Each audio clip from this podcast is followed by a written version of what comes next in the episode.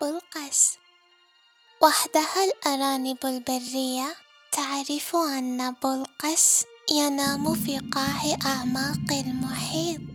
وحدها الأرانب البرية تنتظر زيارة بلقس فهو يأتي كل عام مرة واحدة. والأرانب تنتظر وتراقب تراقب الأشجار وهي تتحول من الأخضر إلى الأصفر. تراقب الأوراق وهي تسقط ورقة ورقة ورقة. تصبح الأشجار عارية بلا أي ورقة. ثم تظهر الأوراق الخضراء برامة واحدة تكفي لتعلن أنه سيأتي.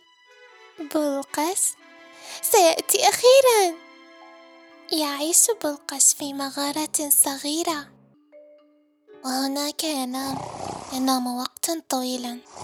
يبقى بلقس نائما حتى تتفتح أول برامة عندها يفتح عينيه.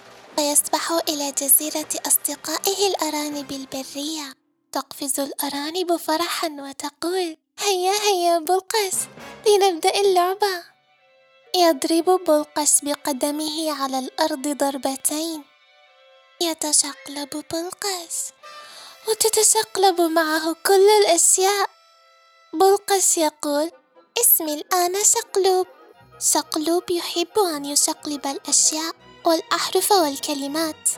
يزيل نقاط الشين لتصبح سين. يحول السماء إلى مساء والأرانب إلى برانب. والضفدعة مكان النجمة والنجمة ترقص دبكة العالم المقلوب جديد ومشوق البرانب لا تتصرف كالأرانب. البرانب تستطيع الطيران إن أرادت. تستطيع أن تأكل الألوان وتزرع الأفكار. الخيارات لا تنتهي إلى أن يتعب شقلوب. يتشقلب شقلوب وتتشقلب معه كل الأشياء.